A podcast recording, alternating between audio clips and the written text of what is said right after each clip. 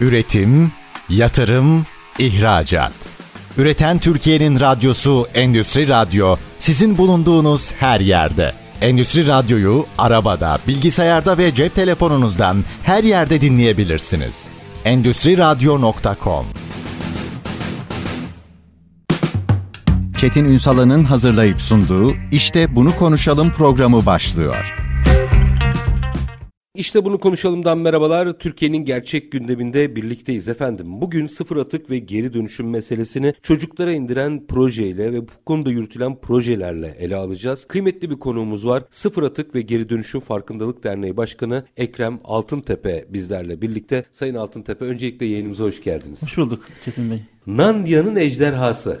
Şimdi Nandia diye bir yer. Bir kere bu uzunca yıllar bizim hayatımızda olacak ve vazgeçmemiz gereken kavramlar. Hem israfın önlenmesi, hem sıfır atık, hem geri dönüşüm meselesi. Siz çok nokta atışı bir iş yapmışsınız.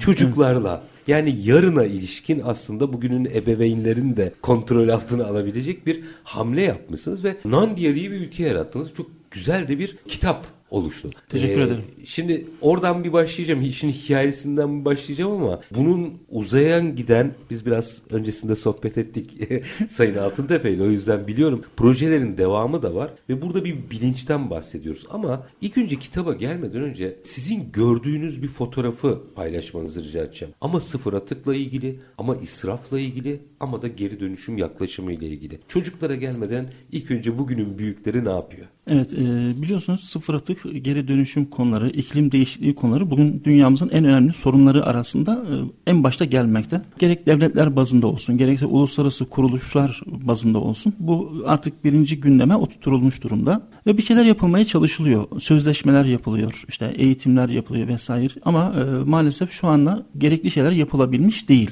Burada bir önce sizin de bahsettiğiniz bir noktaya ben de değinmek istiyorum. Belki yanlış bir yerden başlıyoruz. Yani büyükleri değiştirmeye çalışıyoruz. E, Ve büyüklerin değişmesi çok zor. Maalesef çok zor. Artık kalıplaşmış davranışları var, alışkanlıkları var. E bunlardan kolay kolay vazgeçemiyor insan. Ama sizin de bahsettiğiniz gibi e, çocuklar yeni alışkanlıklar kazanma noktasında, yeni bilinçler kazanma noktasında, yeni farkındalıklar kazandırma no- noktasında çok daha verimli olabiliyor. Onların hem kendilerini değiştirme güçleri var, hem de çevresindeki insanları başta anne babaları olmak üzere onları değiştirme güçleri var. Çok Hatırlayalım büyük bir güç. emniyet kemeri. Kesinlikle. Çocuklar taktırttı emniyet kemerlerini. Kesinlikle. Yani bir önce çok güzel bir örnek verdiniz. Yani biz çocuğumuzdan gelen bir isteği, ya bugün bunu hayatın değişik yerlerinde görebiliyoruz. Bir AVM'ye gidelim mesela. Bir çocuk eğer bir şey istiyorsa o alınacaktır. Yani almamazlık gibi bir şeyiniz yok. Yani çocukluk gücü diye bir şey var. Aynı şekilde bir çocuk evde mesela sıfır atık konusunda veya geri dönüşüm konusunda anneciğim, babacığım sizinle bu hafta şunu yapabilir miyiz dediğinde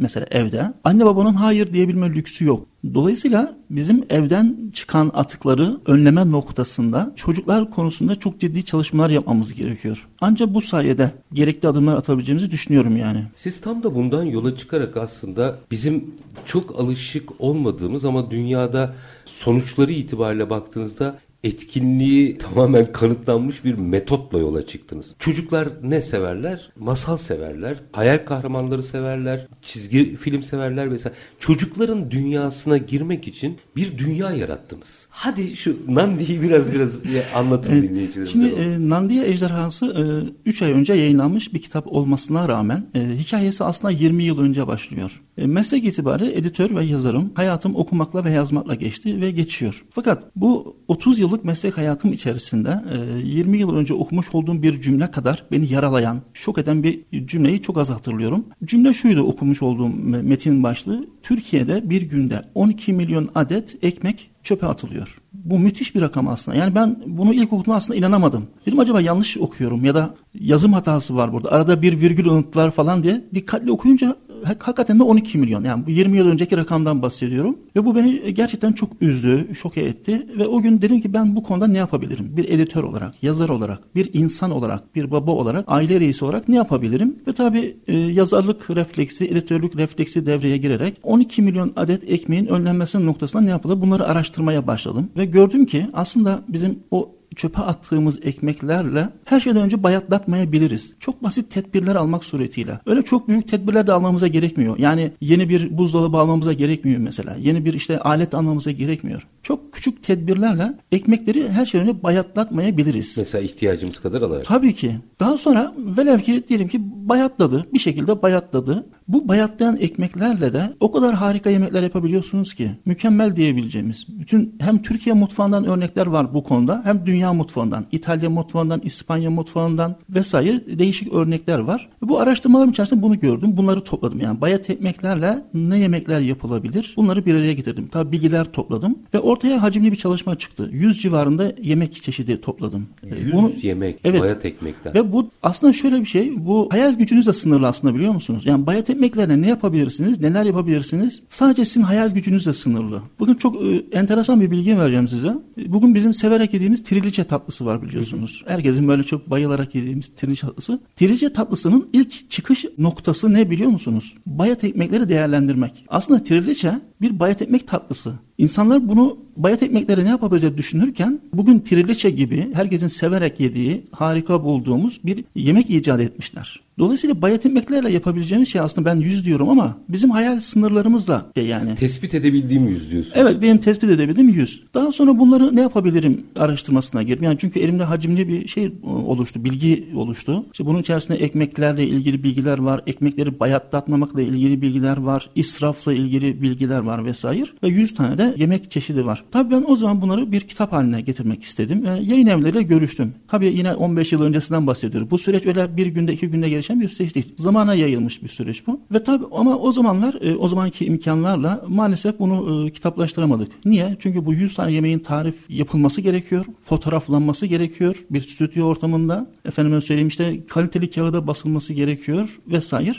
O zaman tabii bugünkü gibi e, Master Chef programları veya yemeklere karşı çok büyük bir ilgi yoktu. Yani yemek kitaplarına karşı ilgi yok. Artı masraf fotoğraflama masrafları falan çok fazlaydı. Ticari bulunmadığı için maalesef yayın evleri tarafından e, bunu gerçekleştiremedim. Bu idealimi, hayalimi gerçekleştiremedim. Ama bu benim hep zihnimin bir köşesinde artık bir hayal ve ideal haline gelmişti. Ben yazı yazdığım dergilerde bu konuları işliyordum. Makalelerde işte konuk olduğum programlarda hep bu konuyu gündeme getirmeye çalışıyordum zaman içerisinde. Tabii bunu önce de ailem içerisinde e, yapmaya çalıştım, uygulamaya çalıştım. Amatör bir şekilde işte evde yemekler yapıyorduk kızımla, oğlumla ve bunları daha sonra o zamanki imkanlarla, tabi bugün akıllı telefonlar yoktu o zaman, tuşlu Tabii. telefonlar var falan. Bulabildiğimiz imkanlarla fotoğraflamaya çalışıyorduk kendi şeyimizde. Bu hep devam etti bu süreç. Fakat ilerleyen süreçte ben şunu gördüm yayıncılık içerisinde. Çocuklar müthiş bir etkiye sahip. Toplumu dönüştürme açısından, aileyi dönüştürme açısından. Ve ben o zaman yetişkinlerle uğraşmayı bıraktım. Dedim ben yetişkinlerle şey yapamayacağım. Çocuklar burada daha verimli aktif. olacak, daha aktif ve istedikleri her şeyi yaptırabilecek güce sahip. Çocukluk gücü aslında bu gerçekten. Kıramama durumu. Kesinlikle, kesinlikle. Yani eğer günümüzde süper kahraman arıyorsak çocuklara bakmamız gerekiyor bence. Ya da çocukları süper kahraman haline dönüştürebiliriz bu projedeki evet. gibi.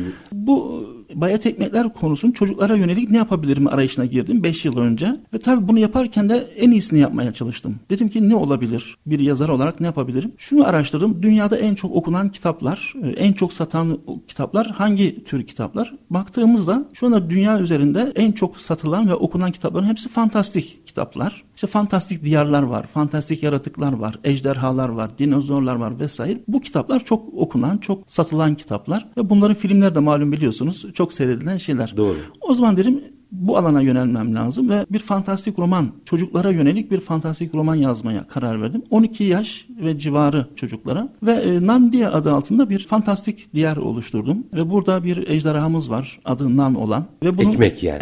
evet, nan ekmek demek biliyorsunuz. Birçok dilde, birçok dünya dilinde Osmanlıca başta olmak üzere Urduca'da, Hintçe'de, özellikle Orta Asya'da çok kullanılan bir dil. Aslında nan kelimesi ortak bir kelime. Çünkü Avrupa'ya baktığında da pan diyorlar mesela ekmeğe. Hmm. Aynı kökten geliyor aslında şey açısından. Yani insanlığın ortak noktası ekmek aslında. Bir ejderhamız var Nan adı altında. İşte bunun karşısında Farsi olan fakat burada bir kelime oyunu yaptım. Onu şimdi söylemek istemiyorum çünkü kitaptaki büyü bozulmasın diye. E, bir e, palyaço bazen palyaço olan bazen başka e, kılıklara bürünen bir kötü karakterimiz var. Ve Kerem ve Ecem adında 12 yaşında iki tane kahramanımız var. Kısaca bahsetmek gerekirse bunlar ekmek konusunda yapmış oldukları bir ihmalin sonuçlarıyla yüzleştirilmek üzere Nan tarafından da Nandiye'ye götürülüyorlar. Çünkü onlar ekmeğin değerini bilememişler. Bir hata yapmışlar. E, bunun sonuçlarını e, yüzleşmeleri gerekiyor. Cezalandırılacaklar Nan tarafından ejderha. Tabi çok kızgın bir ejderha. Çünkü ekmek zayi edilmiş vesaire. Tabi Kerem ve Ecem affedilmek isteniyor. Cezalandırılmak istemiyorlar. Nan onlara bir şartla affedeceğini söylüyor. Nedir? Size vereceğim beş tane görev var. Bu görevleri yerine getirirseniz sizi affederim. Nedir bu görevler? Ekmek israfını araştıracaksınız. İsraf konusunu araştıracaksınız. Atık konusunu araştıracaksınız. Geri dönüşüm konusunu araştıracaksınız. Ve bana her görevde bir bayat ekmekle yapılmış yemek getireceksiniz. Beş tane görev. Çocuklar kabul ediyorlar tabii sevinçten. Fakat bu görevleri yerine getirmek o kadar basit değil. Niye? Çünkü karşılarında onlara engel olmaya çalışan kötü karakterimiz var. Yani Farsi var. O da çocukların bu görevleri yerine getirmesine engel olmaya çalışıyor. Burada tabii... Bence Farsi'yi söyleyin. Neyse 12 yaşındaki çocuklar şu anda bizi dinlemiyordur. Ebeveynler netleşsin hakkında. Tamam. Çünkü o çok yaratıcı bir isim. Kesinlikle Farsi'de bir kelime oyunu yaptım. Bu kitap içerisinde çocuklar tarafından çözülüyor. Bir macera içerisinde çözülüyor. Farsi'yi tersten okuduğunuzda israf kelimesini elde ediyorsunuz. Yani oradaki Farsi karakterimiz aslında israfı temsil ediyor. Nan da bereketi temsil ediyor. Yani kitap içerisinde fantastik bir macera yaşarken aslında bereket ve e, savurganlığın mücadelesini görüyorsunuz orada. Tabi Kerem ve Ecem bütün bu beş tane görevi yerine getirirken gerek ekmeklerle ilgili, ekmek israfı ile ilgili, ekmeklerin yeniden değerlendirilmesi ile ilgili, gerek sıfır atıkla ilgili, gerek geri dönüşümle ilgili müthiş bilgiler öğreniyorlar. Ve tabi daha sonra Nan bunları işte mesela dünya turuna çıkarıyor, Afrika'ya götürüyor mesela kitap içerisinde. Ve in, çocuklar oradaki açlığı görüyorlar, oradaki insanların çekmiş olduğu yoksulluğu görüyorlar, e, şok oluyorlar. Sonra işte başka bir yere götürüyor, oradaki israfı gösteriyor. Yani bir tarafta açlık çeken insanlar, bir tarafta da israf edip bir dilim ekmeğin köşesini ısırıp çöpe atan insanlar vesaire. Yani çocuklar bu macera içerisinde 5 tane görevi yerine getirirlerken tabi bunları ben böyle hızlı anlatıyorum ama bunları şey olarak düşün yani içinde işte böyle gizemlerin olduğu işte çocuklar Farsi tarafından bir labirente hapsediliyorlar. Labirentten kurtulmanın yollarını arıyorlar veya buna benzer çocukların çözmesi gereken birçok gizem yani var. Aslında çocukların bugün oyun oynarken, kitap okurken, film seyrederken dikkat ettikleri hassasiyetleri ön plana çıkarmışsınız. Kesinlikle. Kesinlikle. Bu kitabı e, hazırladım bu şeyi, çalışmayı bitirdim. E, kitap haline getirdim ve görüşmüş olduğum ilk yayın evi bunu kabul etti basmayı. Ve 3 ay önce e, kitabımız yayınlandı. Şu anda bütün kitap evlerinde, internet ortamlarına satışa sunuldu. Fakat burada şunu belirtmek istiyorum özellikle. Bu kitap benim için bir amaç değildi. Bir araçtı. Amaç ne idi? Ekmek israfı konusunda, sıfır atık konusunda ve geri dönüşüm konusunda insanları farkındalık kazandırmak, bilinçlendirmek. Amacımız buydu. Bu amacımıza yönelik olarak da Sıfır Atık ve Geri Dönüşüm Farkındalık Derneği'ni kurdum. SAGEF adı altında. Ve bu dernek altında bazı projeleri şu anda iki tane projemiz yürürlükte. Onları devam ettiriyoruz. Şöyle yapalım. Minik bir Tabii. virgül atayım. Araya gidelim. O projeleri de açmak istiyorum. Çünkü bu bir siz bir ekosistem mücadelesi içerisindesiniz. Bu bahsettiğiniz benim aklıma gelen mesela bu işin yazılım ayağı olabilir, oyun ayağı olabilir. Birçok bir yere gidebilecek bir nokta bu. Bir endüstrinin temeliniz. Aslında ihtiyaç olan senaryoyu yazmışsınız siz. Ama o projeleri biraz açacağım ama minik bir araya gidelim. Aranın tamam. ardından devam edelim. Efendim Nandia'yı konuşuyoruz. Ekmeği bereketi ve israfı konuşuyoruz. Sıfır Atık ve Geri Dönüşüm Farkındalık Derneği Başkanı Ekrem Altıntepe konuğumuz. Kısa bir ara aranın ardından işte bunu konuşalım diyeceğiz. Lütfen bizden ayrılmayın. Üretim, yatırım, ihracat. Üreten Türkiye'nin radyosu Endüstri Radyo sizin bulunduğunuz her yerde. Endüstri Radyo'yu arabada, bilgisayarda ve cep telefonunuzdan her yerde dinleyebilirsiniz. Endüstri Radyo.com Kısa bir aranın ardından işte bunu konuşalım da tekrar sizlerle birlikteyiz. Nandiya maceralarını konuşuyoruz. Sıfır atık, geri dönüşüm, iklim değişikliği maceraları aslında Nandiya adındaki sıfır atık diyarında yaşanan ve çocukları aslında hedefleyen bir nokta. Kitabın da yazarı aynı zamanda Sıfır Atık ve Geri Dönüşüm Farkındalık Derneği Başkanı Ekrem Altıntepe konuğumuz. Giderken araya giderken bunun aslında bir amaç değil bir araç olduğunu çok net ifade ettiniz. Zaten dertlendiğiniz nokta çöpe atılan ekmeklerle başlamış mesele. İşte bir tık sonrasında farklı projeler var ama mesela o projelere gelmeden önce bildiğim kadarıyla Milli Eğitim Bakanlığı'yla da görüşmeleriniz başlıyor. Ondan da bir bilgi tamam. aktaralım. Şimdi e, bir önce bahsettim yani kitap e, bir amaç değil de araçtı. Amacım da çocuklara ulaşabilmekti. E, bunun için de kitap yayınlandıktan sonra kitabımı alarak Ankara'da çadır kurdum tabiri caizse e, Ankara'ya gittim. Ankara'da mecliste milletvekillerimizle, Milli Eğitim Bakanlığı'nda yetkililerle, Çevre ve Şehircilik Bakanlığı'nda, Tarım Bakanlığı'nda vesaire ulaşabileceğim herkesle Ankara'da e, görüşmeye çalıştım. Kendimi anlattım, derdimi anlattım, amacımı anlattım. Sağ olsun e, gittiğim her yerde kabul gördü ve şu anda geldiğimiz nokta burada benim amacım devlet okullarında veya okullarda bu kitabı çocuklara okutmak ve daha sonra seminerler yapmak ve yarışmalar yapmak amacıyla faaliyetlerde bulunmak. Bir projemiz bu. Bununla ilgili şu anda İstanbul İl Milli Eğitim Müdürlüğü'ne müracaatımızı yarın yapacağız inşallah. Daha önce görüştük kendileriyle. Biz de yol gösterdiler nasıl olması Resmi başvuru yapacaksınız. Yarın resmi başvurunuzu yapıp bu kitabın okullarda okutulması noktasında bir tavsiye kararı olabilir veya e, incelenmesi noktasında bir çalışmamız olacak. Şu anda yine okullarda görüşüyorum. Kitabımı alıyorum, gidiyorum. Randevu alıp e, okul müdürlerinden. Burada size anlattığım gibi amacımı anlatıyorum. Diyorum ki benim amacım çocuklarda bir farkındalık oluşturmak. Ekmek konusunda özellikle. Ekmek israfı konusunda. Ve bunun yolu da işte kitabı okumaları çocukların. Daha sonra bununla ilgili bir seminer, söyleşi yapılması. Ve üçüncü adım olarak da bir bayat ekmek yemekleri yarışması yapılacak. Fakat bu yarışmada anne babalar yarışmayacak. Çocuklar yarışacaklar. Yani yemekleri çocuklar yapacaklar. Tabii anne babalarıyla yapacaklar. Bunlar daha sonra okula getirilecek. İşte bir etkinlik, bir şenlik şeklinde okulda. Bunun yapılmasını hedefliyorum. Bununla ilgili çalışmalarım var, görüşmelerim var. Bazı okullarımızda başladık. Ee, sağ olsunlar her gittiğim okul kabul görüyor yani bu proje kabul görüyor. Seminerlerimiz başladı, söyleşilerimiz başladı, devam edecek. Ama amacımız daha fazla çocuğa ulaşabilmek bu noktada daha fazla insana ulaşabilmek ve yapılabilecek en güzel şekilde bunu farkındalık kazandırmayı gayret etmek. Ben biraz zorlayayım mı? Tabii buyurun. e, estağfurullah. Şöyle size anlatırken insanın ister istemez beyninde şöyle şeyler açılıyor. Dünyanın şu anda en öncelikli sektörlerine, yükselen trendlerine bakarsanız mesela oyun sektörü. Oyun sektörü hikaye arıyor. Burada hikaye var. Hikaye çok namuslu bir hikaye.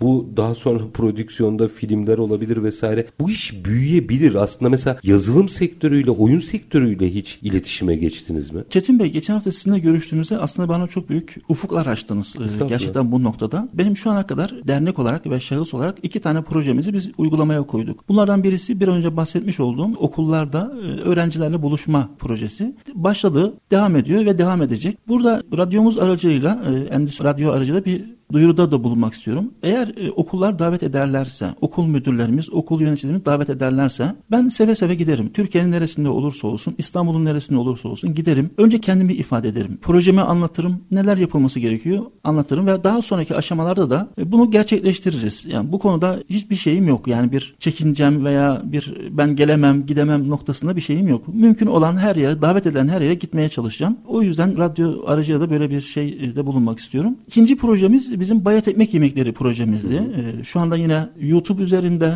Instagram üzerinde ve web sitesi üzerine bayat ekmek yemekleri adı altında arama yaptığınızda Instagram'da bizim sitemiz var. Biz orada her hafta bir bayat ekmek yemeği videosu paylaşıyoruz. Bunlar profesyonel bir ortamda çekilmiş, stüdyoda çekilmiş, güzel bir şekilde çekilmiş, albenisi olan videolar bunlar. Bunları her hafta yayınlıyoruz. Buradaki amacımız Türk toplumuna haftada bir öğün bile olsa bayat ekmek yeme yemeği alışkanlığı kazandırmak. Bu devam eden bir süreç iki projemiz e, devam ediyor yürürlükte. Fakat özellikle geçen hafta sizinle e, konuştuktan sonra ve bunu anlattığım yerlerde insanlar daha ileriye gitmem gerektiğini söylediler ve ben de şu anda bunun çalışmalarını yapıyorum. Nedir? Sizin bahsettiğiniz işte oyun projesi. Şimdi günümüzde birçok oyunlar var. İşte internette karşımıza çıkıyor. Nedir? İşte insanlar e, bir amaca yönelik ki bu amaç daha çok haz odaklı oluyor hı hı. maalesef. İşte çocuklar puanlar topluyorlar ve amaçlarına ulaşmaya çalışıyorlar, mücadele ediyorlar. Burada da bu kitaptaki Nandiya'daki maceralar da bir oyun yapılabilecek nitelikte. Yani çocukların 5 tane görevi olacak mesela yerine getirmeleri gereken. Nedir bu? Bir bayat ekmek yemeği yapmaları. İşte nedir? İşte malzemeler olacak ve çocuklar bu malzemeleri oyun içerisinden toplayacaklar. Fakat o toplama tabi o kadar kolay değil. Çünkü karşılarına Farsi ve israf orduları olacak. Onlarla mücadele edecekler ve bütün bu oyun içerisinde tabii ki e, kitapta 5 tane görev verdik ama oyun içerisinde yüzlerce yemek yapılabilir mesela. Çocuklar orada oyun oynarken hem bayat ekmekler yapmasını hem de orada tabii ki bilgiler olacak mesela içerisinde, oyunun içerisinde. Çocuk ipuçları olacak belki ekmekle ilgili. O ipuçları çözme, bulmacaları çözme şeklinde. Yani hem oyun oynarken e, hem ekmeğin kıymetini, israfın ne olduğunu, bayat ekmeklerle yemekler nasıl yapılabilir? Bunların tariflerini öğrenecekleri bir ufuk açtınız bana. Ee, ben bunu şu anda projelendiriyorum. Bunun haricinde bir önce siz de bahsettiniz. Yani en büyük hayallerimden birisi de Çetin Bey bunun bir animasyon veya çizgi film haline getirilmesi ya da bir film haline getirilmesi ki bu içerik açısından baktığımızda kitabın içeriği açısından baktığımızda bir hem çizgi film hem de bir film haline getirilmeye çok uygun. Çok uygun. Buna yönelik çalışmalarım var. Önümüzdeki günlerde tabii bunlar büyük maliyetler gerektiren şeyler. Yani bir çizgi film yapmak, efendim söyleyeyim bir e, oyun yapmak e, büyük maliyetler gerektiren şeyler. Ama ben bununla ilgili projelerimi ilerleyen günlerde, aylarda e, gerek yeniden devlet kurumlarıyla olsun, bakanlıklarla olsun, gerekse de tüzel kişilerle olsun, firmalarla olsun görüşmeye çalışacağım. Anlatacağım firmalı şeyimi, projelerimi anlatacağım ve destek isteyeceğim insanlardan, kurumlardan. Bunu ilk konuştuğumuzda veya benim ilk hissettiğim sizin mesela beklentiniz yok. Bu çok enteresan bir şey. Dertlenen insanlara çok hayranımdır evet. ben. Siz dertlenmişsiniz. Teşekkür ederim. Evet. Ee, ve bu dertlenme bence çok saygı duyulması gereken bir şey. O zaman hani ben bir boyut daha açayım. Belki buradan kriptocular uyanır. Çocuklar mesela böyle bir öneri de yapmıştım. Orayı da Hı-hı. açalım o zaman hatırlatalım. O ödüllerde token alsalar o tokenlarla gidip aç veya ihtiyacı olan insanların karnı doyurulsa vesaire gibi iş çok başka boyutlara gidebilir. Kesinlikle yani o sizin söylemiş olduğunuz o şey beni çarptı yani resmen e, geçtiğimiz haftaki görüşmede. Yani böyle bir kurum veya kuruluş bir e, devlet kuruluşu olabilir bu. Büyükşehir Belediyesi olabilir. Yani buna böyle bir sponsor olsa düşünün yani çocukların buna ne kadar ilgi göstereceğini, ne kadar yayılacağı hakikaten müthiş bir şey yani. Şeyi açık yani fikirleri açık, e, yeni yap şeylere şeylere açık yani şu kitap üzerine çok şey yapılabilir. Yani bunun haricinde mesela neler yapılabilir? Siz dijital oyun dediniz mesela. Benim buradaki yapmayı düşündüğüm şeyler bir, bir kutu oyunu mesela. Hani şey vardır böyle şu an ismi tam aklıma gelmedi. Farklı ee, farklı oyunlar farklı var. Farklı farklı oyunlar var. Kutu oyunları var. Mesela oradaki çocuklar işte borsada oynuyorlar mesela oyunun birisinde. Burada borsada oynamayacaklar. Bayat ekmeklerle ya da sıfır atık ve geri dönüşüm konusunda farkındalık kazandıracak bir kutu oyunu mesela yapılabilir. Ee, harika bir şey olabilir. Bunun oyuncakları yapılabilir mesela. Hani ekmeğe değer veren, kucağında ekmeğe sıkı sıkı sarılmış mesela oyuncaklar mesela. Sadece ekmek olarak düşünmeyelim tabii ki bunu. Geri dönüşüm konusunda geri dönüşüme önem veren oyuncaklar mesela yapılabilir. Bunlar satılabilir. Buna benzer daha çok mesela yapmayı düşündüğüm şeylerden birisi de sıfır atık konusunda, geri dönüşüm konusunda ya da ekmekler konusunda marşlar yapmak, ezgiler yapmak ve bunları animasyon tarzında olabilir, seslendirme tarzında olabilir. Bunları yapmak. Bir tık daha ileri gidiyorsunuz. Bu işi globalleştirmekten de bahsediyorsunuz. Kesinlikle. Yani bu bu yani sıfır evrensel hale evrensel hale. Diyelim. Zaten kitabımız da şöyle bir bu kitap ekmek israfı konusunda ama siz de bir önce bahsettiğiniz Nandiya maceraları. Bu bir seri olacak. İkinci kitabı, e, üçüncü, dördüncü, beşinci, yirmiye kadar belki daha da ileri gidecek bir kitap bu. İkinci kitap belki çok daha ilginç olacak. Burada bir sıfır okulu tabi hikaye Nandiya'da geçiyor. Fantastik bir ortamda geçiyor. Burada yine ejderhalarımız olacak. Fantastik yaratıklarımız olacak. Ve buradaki okul bir okul var. Sıfır okulu gibi düşünün. Ve bu okulda dünyanın her ülkesinden seçilen seçilmiş iki tane çocuk eğitime tabi tutulacak. Fakat burada ortada bir okul yok, fiziki bir okul yok. Bu okulu çocukların yapması gerekecek. Fakat nasıl yapacaklar bunu? Tamamen geri dönüştürülmüş malzemelerle yapacaklar. Hmm. Yani okul geri dönüşmüş malzemelerle yapılacak. Okulun içindeki bilgisayarlar, okulun içerisindeki tablolar, resimler, okulun içerisindeki yemekhane mesela. Hepsi geri dönüşüm malzemelerinden elde edilmiş olması gerekiyor. Bunu yapacaklar ama tabii yine kötü şeyimiz, karakterimiz çocukları rahat bırakmayacak orada da. O da bu okulun yapılmasını engellemek amacıyla elinden gelen her türlü sıkıntıyı, problemi çıkarmaya çalışacak ve oradaki çocuklar da bu problemleri aşmaya çalışırken aslında ne kadar güçlü olduklarını fark edecekler. Burada aslında şunu vermeye çalıştım ben. Burada mesela kitabımızda asla büyü veya sihir olmayacak. Yani çocukların gücü büyü veya sihirden gelmeyecek. Çocukların gücü nereden gelecek? Çocuklar ne kadar çok sıfır atık yaparlarsa, ne kadar çok geri dönüşüm yaparlarsa o kadar çok puan toplayacaklar ve o kadar kuvvetli olacaklar. Yani çocukların gücü dediğim gibi büyü veya sihirden değil, e, ne kadar bu dünyaya katkıda bulunabiliyorlar? Bu dünyayı ne kadar güzelleştirebiliyorlar? Ne kadar sıfır atık yapabiliyorlar? Veya ne kadar geri dönüşüm yapıyorlar? O kadar güçlü ve kuvvetli olacaklar.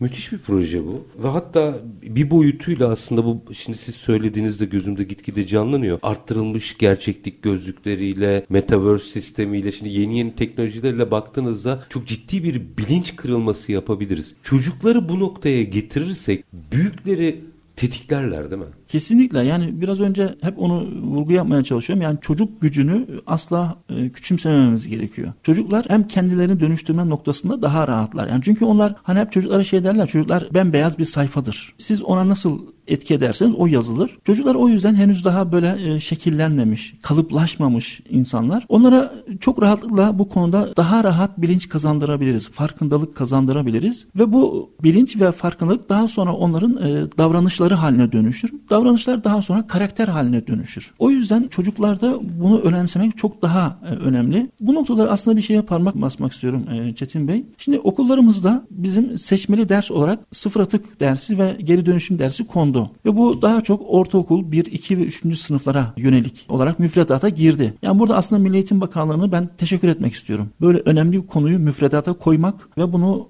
ilgili çalışmalar yapmak çok güzel bir şey. Fakat iki noktada ben buna katılmıyorum. Birincisi bu dersin seçmeli olmaması gerekiyor. Hı hı.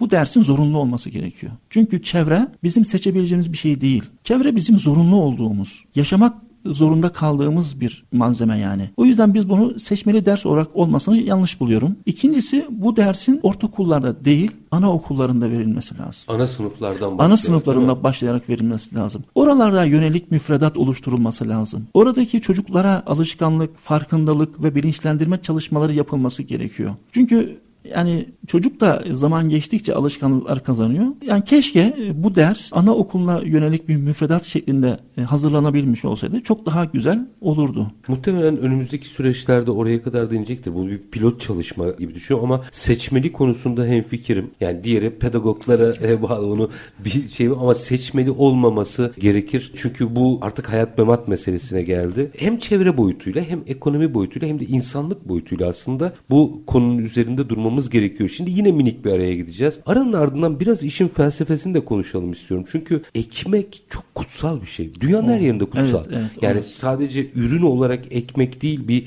kavramsal karşılığı var biliyorsunuz kesinlikle, ekmeğin. Kesinlikle. Onu biraz konuşmak istiyorum. Çünkü bu kadar kutsal bir şeyin nasıl bu kadar israf edilebildiği belki de bize çok şey anlatıyor. Minik bir araya gidelim. Aranın ardından işin bu boyutunu açalım. Efendim Sıfır Atık ve Geri Dönüşüm Farkındalık Derneği Başkanı Ekrem Altıntepe konuğumuz. Kısa bir ara. Aranın ardından işte bunu konuşalım diyeceğiz. Lütfen bizden ayrılmayın. Üretim, yatırım, ihracat. Üreten Türkiye'nin radyosu Endüstri Radyo sizin bulunduğunuz her yerde. Endüstri Radyo'yu arabada, bilgisayarda ve cep telefonunuzdan her yerde dinleyebilirsiniz. Endüstri Radyo.com Kısa bir aranın ardından işte bunu konuşalım da tekrar birlikteyiz efendim. Sıfır Atık ve Geri Dönüşüm Farkındalık Derneği Başkanı Ekrem Altıntepe ile özellikle hem sıfır atığın hem israfı önlemenin hem de geri dönüşüm meselesinin çocuklara indirgenmiş bir projeyi ve projeler bütününü konuşuyoruz. Yarın bir daha hatırlatayım Milli Eğitim'le daha önce görüşmüşsünüz. Resmi protokol için bir araya geleceksiniz. Bu kıymetli. Şimdi Üstad bu projelerin biraz daha açılımını sağlamak isterim. Ama bu nan her dilde neredeyse. Hepimiz şöyle düşünün. Herkes çocukluğunu düşünsün. Şimdiki çocuklar yapıyor mu bilmiyorum ama biz yolda bir ekmek görürsek üfler, üç kere öper, kenara koyardık. Çünkü ekmeğin bir kutsallığı var. Ekmek sadece yiyecek değil. Ekmek aynı zamanda alın teri demek, ekmek üretmek demek, ekmek katkıda sağlamak demek. Onun kutsiyet taşıyan simgesi aslında ekmek. Derler ya ekmeğimle oynama. Kesinlikle. Onun gibi. Şimdi bu kadar herkesin hemfikir olduğu ve buradan o atık meselesine geleceğim ama en kutsalından başlayayım. Yani en kutsal gördüğümüz şeyde bile milyonlarca adet atığa neden olurken nasıl bu kadar duyarsız olabiliyoruz? Yıllardır bu işin takipçisisiniz. Sizin tespitlerinizi merak ederim açıkçası. Şimdi Nandiye maceralarının ekmekle başlamasının özel bir nedeni var. Size çok güzel bir noktaya değindiniz. Teşekkür ederim. Onu tekrar ben de yaşamak istiyorum. Şimdi ekmek yani dünya bütün dünya milletlerini, dünya toplumlarını hatta medeniyetleri yani 200 milyon diyelim artık 10 bin yıl diyelim artık değişik şeyler var burada. Bir araya getirsek ve ortak nokta bulmaya çalışsak tek bir şeyde birleşiriz ekmek. Ekmek insanlığın ortak noktasıdır ve sadece bizim kültürümüzde, bizim dinimizde değil, bütün kültürlerde, bütün medeniyetlerde ve bütün dinlerde ekmek kutsal olarak addedilmiştir. Kutsal olarak bilinir. Biz de biliyorsunuz günlük yaşantımız içerisinde eskiden ekmeği yerde bulduğumuzda öpüp başımıza koyup onu yükseğe koyardık. Hatta bizim yeminlerimiz bile ekmek üzerinedir değil mi? Ekmek tabii Kur'an çarpsın diye. Yani biz ekmeği öylesine kutsallaştırmışız ki o kadar değerli ki bizim için işte kutsal kitabımızda aynı cümle içerisinde kullanabiliyoruz. Dolayısıyla ekmek konusunda ekmek konusunda bir hassasiyet kazandırmadan, ekmek konusunda bir farkındalık kazanmadan, bilinç kazanmadan maalesef diğer sıfır atık konularında yani plastik konusunda demir olabilir, işte diğer evsel atıklar olabilir veya buna benzer diğer atık konularında bir şeyler yapmak çok zor, mümkün değil. Öncelikle ekmek konusunda bir farkındalık kazandırmamız lazım ki diğer konularda başarılı olabilirim. Çünkü ekmeğe saygısızlık yapan her şeye saygısızlık yapar. Ekmeği çöpe atan her şeyi çöpe atar. O yüzden eğer biz insanlara geri dönüşüm konusunda bir bilinç kazandırmak istiyorsak bunu ekmekle başlamamız lazım. Ekmek konusunda bir farkındalık oluşturmamız lazım. Daha sonra diğer konular zaten kendiliğinden bunun üzerine tebut bir temel bir temel. Bu temelin üzerine diğer konular çok daha rahatlıkla bina edilebilecektir, inşa edilebilecektir. Sadece geri dönüşüm ve sıfır atık meselesi değil ki üreten bir toplum yaratmanın da yolu ekmekten geçiyor. Biz maalesef günümüzde biraz maddiyatçı düşünüyoruz her konuda. Hemen bir şey olduğunda hemen maliyetini hesaplıyoruz. Ekmek konusunda da aslında baktığımızda hemen insanlar şunu diyorlar ya 12 milyon adet ekmek çöpe gidiyor. Bunun parasal karşılığı 60 milyon lira falan gibi. Evet doğru bu var. Fakat ekmeğe karşı yapılan saygısızlığın, ekmeği çöpe atmanın hem bizim aile birey hayatımıza hem aile hayatımıza hem de toplum hayatımıza yansıyan ve bizim belki çok farkında olmadığımız bir yönü var ki o da bereketsizlik olarak yansıyor. Eğer bir aile, şunu çok net söyleyebilirim, bir birey bir aile eğer bereketsizlikten yakınıyorsa çöpe atmış olduğu ekmeğe baksın çöpüne baksın yani. Varsa orada bir şey mutlaka ekmek konusunda bir e, sıkıntı var demektir. Sıkıntı var demektir. O yüzden ekmeğe saygı e, her şeyden önce bireysel hayatımıza da, aile hayatımıza da, toplumsal hayatımıza da bereketi getirecektir. O yüzden ekmek konusu çok çok önemli. Bir noktaya geçtiğimiz günlerde bir organizasyonu sunmaya gitmiştim. Orada bir workshop vardı. Ara workshop oturumlar arasında. İsmini söylememiştim. Yani herkesin bildiği otellerden birinin şef kadrosu geldi. Bir workshop yaptılar. O çalışmada, gösteri çalışmasında diyeyim, tamamıyla fazla ürünlerden yemek yaptılar. Süper. Ve anlattıkları şuydu. Biz mutfağımızda bunu yapıyoruz. İşte galiba bu bilinç böyle böyle e, gelişecek. Yani e, bir ürünün fazlası çöp değildir. Başka bir şeyin malzemesidir. Şöyle düşünün. Bir çanta ustasını düşünün. Hadi ben baba mesleğimden gideyim. Deriyi böyle rastgele çizip fazlasını atar mı? Kalıpları oturtur ve maksimum faydayı sağlamaya çalışır değil mi o evet. derilerden? Hı hı. Aynı şey yemek için de geçerli. Aynı şey plastik için de geçerli, demir için de geçerli. Temelde biz verimliliği ıskalıyoruz sanıyorum. Kesinlikle. Şunu aslında aklımıza yerleştirmemiz gerekiyor. Hiçbir şey atık değildir. Her şey geri dönüştürülebilir. Bununla ilgili o kadar çok enteresan e, hikayeler var ki dünya üzerinde. Amerika'dan bir örnek vereyim. İsmini belki zikretmem şey Markaya giriyorsa ama, zikretmeyin. Yani bir insan çöplerden toplamış olduğu bilgisayar parçaları ile ilk bilgisayarını yapıyor. Bu bir çocuk bu. Ve buradan e, yola çıkarak daha ha, sonra... O kişinin ismini verebilirsiniz. Freddy Figure Amerikalı. Çöplerden topladığı bilgisayarları önce kendi bilgisayarını yapıyor. Daha sonra buradaki merakını görenler ona kendi bilgisayarlarını tamir etme işini veriyorlar. Ve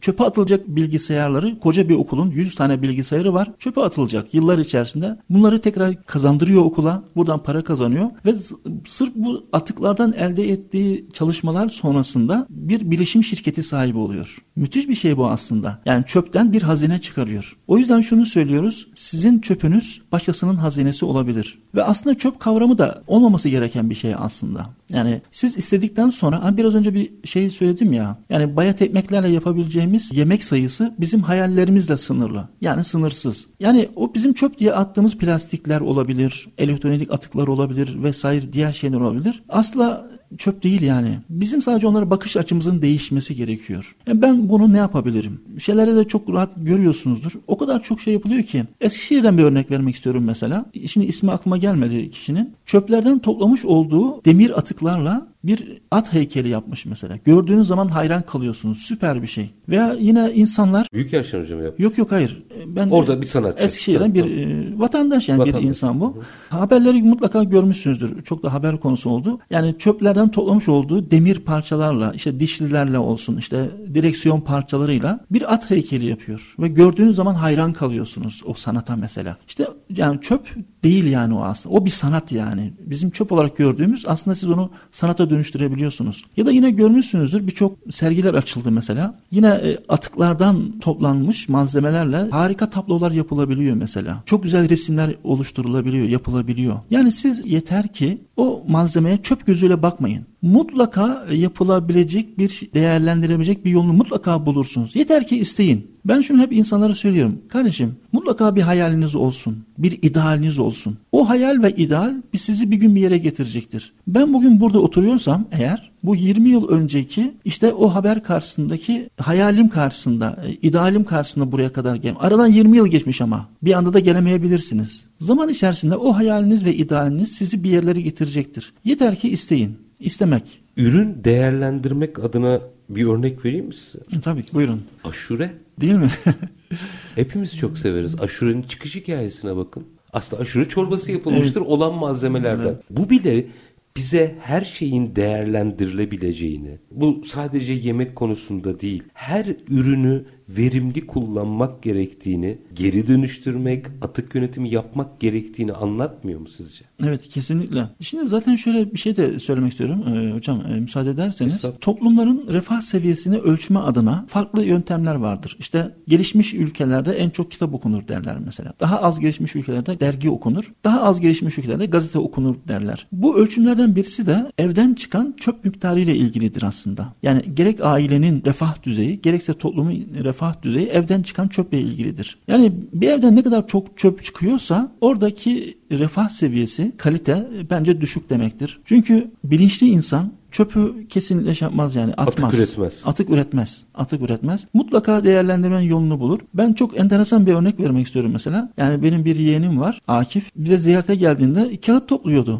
ortalıktan. Dedim ya ne yapacaksın bu kağıtları? Dedi ben amca bunlardan şey yapıyorum. Böyle küçük küçük parçalar yapıyorum. Belli bir formu olan bir parça. E sonra ne olacak bunlar? Bakıyorsunuz küçücük parça. Sanki hiçbir şey yaramayacak. Daha sonra bunları 100 adede çıkarıyor mesela ve onları birbirine takmak suretiyle yap bozlar yapıyor. Bugün bizim para vererek aldığımız hani böyle legolar falan var ya aslında onları biz kendimiz çocuklarımız evde küçük küçük parçalar yapmak suretiyle kağıtlardan yüzlerce parçadan oluşan lego seti oluşturuyor ve oradan işte ejderha yapabiliyor veya ne bileyim bir araba yapabiliyor vesaire. Yani aslında böyle şey oyuncaklar almak için de çok büyük bütçeler ayırmamıza gerek yok. Yeter ki çocuklarımıza bu bilinci kazandıralım. O çocuklar o kağıtlardan öyle şeyler ortaya çıkaracaklardır ki biz bile şaşıracağız belki de yani. Eski naylon plastik daha doğrusu arabalara hatırlar mısınız? Telden direksiyon yapardık. o teller değerleniyordu işte gibi gibi. Programın sonuna da geliyoruz ama kültürü olmayan hiçbir kavramın yaşayamayacağını düşünenlerdenim ben. Bu minvalde mesela sizin bir müze hayaliniz de var. Evet. Ondan da biraz bahsetmek isterim. Bu biraz önce bahsetmiş olduğum e, projeler arasında belki benim en çok gerçekleştirmeyi düşündüğüm bir e, olgu sıfır atık ve geri dönüşüm müzesi. Burada bu oluşturulacak olan müzede tamamen atık malzemelerden yapılmış ürünler sergilenecek. İşte bayat ekmek köşesi olacak mesela ve bayat ekmeklere neler yapılabilir o anlatılacak orada. Başka bir bölümde kağıtlardan yapılmış malzemeler sergilenecek ve bunlar tamamen yine işte mesela okullarda biz yarışmalar yapacağız mesela. O yarışmalarda dereceye girmiş ürünlerden seçilecek. Daha sonra plastik atık bölümü olacak. O plastik atıklarla neler yapılabilir onları sergileyeceğiz. Veya başka bir bölümde işte demirlerle veya pillerle ya da elektronik atıklarla neler yapılabilir bunları sergileyeceğim bölümler olacak. Ya da bir bilgisayar bir köşemiz olacak mesela orada. Bir bilgisayarın atıklarla nasıl bilgisayar yapılabildiğini göstereceğiz mesela orada. Gibi böyle bir müze bu büyük şehirlerde olabilir. İstanbul, Ankara gibi veya İzmir gibi ve buralara gelecek olan çocuklar, e, okullardan getirecek olan çocuklara neler yapılabilir örnekleriyle göstermek. En büyük hayallerimden ve ideallerimden birisi de bu. İnşallah gerçekleştirmek nasip olur. Tabii bütün bu bahsettiğimiz şeyler ciddi maliyetler gerektiren konular. Bunlarla ilgili dediğim gibi ben görüşmeler yapıyorum. Gerek devlet kurumlarıyla olsun, gerek tüzel kişilerle olsun. İnşallah amacımızı gerçekleştiririz. Burada e, tabii e, sizin aracılığınızla dinleyicilerimizle bir ricada veya çağrıda bulunmak istiyorum. Bütün bu çalışmamıza katkı yapmak isteyenler e, internet sitemize sagef.org internet sitesine girmek suretiyle bizimle irtibata geçebilirler. Bu noktada gerek kitap konusunda olabilir, gerek seminer konusunda olabilir, gerekse bir önce bahsetmiş olduğumuz çizgi film, animasyon, oyun tasarım yatırımları olabilir. Onlarla işbirliği yapmaya biz hazırız. Yeter ki istek gelsin. Yüreğinize sağlık. Umarım yarın da Milli Eğitim Bakanlığı'yla İstanbul'da bir protokol imzalarsınız. Bilinç uyanılması anlamında çok önemli olduğunu düşünüyorum. 20 yıl önce bir şeye dertlenip yola çıkmışsınız ve bugün geldiğiniz noktada çok farklı boyutlara gitmiş iş. Dertlenen insanların yüreğine sağlık, sizin de yüreğinize sağlık. Ben e, ayrıca size teşekkür etmek istiyorum. E, siz beni yüreklendiren insanların başında giriyorsunuz. Yola ilk çıktığımızda ilk geri dönüşü siz yapmıştınız bizi. Radyoya misafir etmiştiniz. Telefonla da olsa o benim için çok önemliydi. Yani bir karşılık bulduğunu görmek beni çok yüreklendirmişti. Bugün burada olmakla da çok büyük bir mutluluk duyuyorum. Ayrıca teşekkür etmek isterim. Estağfurullah. Hiç biz gazeteci olarak sadece fark ettik. Onun dışında e, verdiğimiz bir şey yok. Biz işimizi yaptık. Siz yüreğinize sağlık. Takip edeceğim tabii ki bütün süreci. Sıfır Atık ve Geri Dönüşüm Farkındalık Derneği Başkanı Sayın Ekrem Altıntepe. Çok teşekkür ediyorum efendim. Ben teşekkür ederim. Dinleyicilerimize de iyi akşamlar dilerim. Var olunuz. Efendim biz bugün sıfır atık ve geri dönüşüm meselesinde çocukları baz alarak aslında nelerin dönüşebileceğini hatta bir tık daha buralardan nasıl ekonomiler e, çıkabileceğini belki o ekonomilerden sosyal sorumluluk projeleri üretilebileceğinin bir yolculuğunu sizlerle paylaştık. Konuğumuz Sıfır Atık ve Geri Dönüşüm Farkındalık Derneği Başkanı Ekrem Altıntepe'ydi. Biz her zamanki gibi bitirelim. İşinizi konuşun, işinizle konuşun sonra gelin işte bunu konuşalım. Hoşçakalın efendim.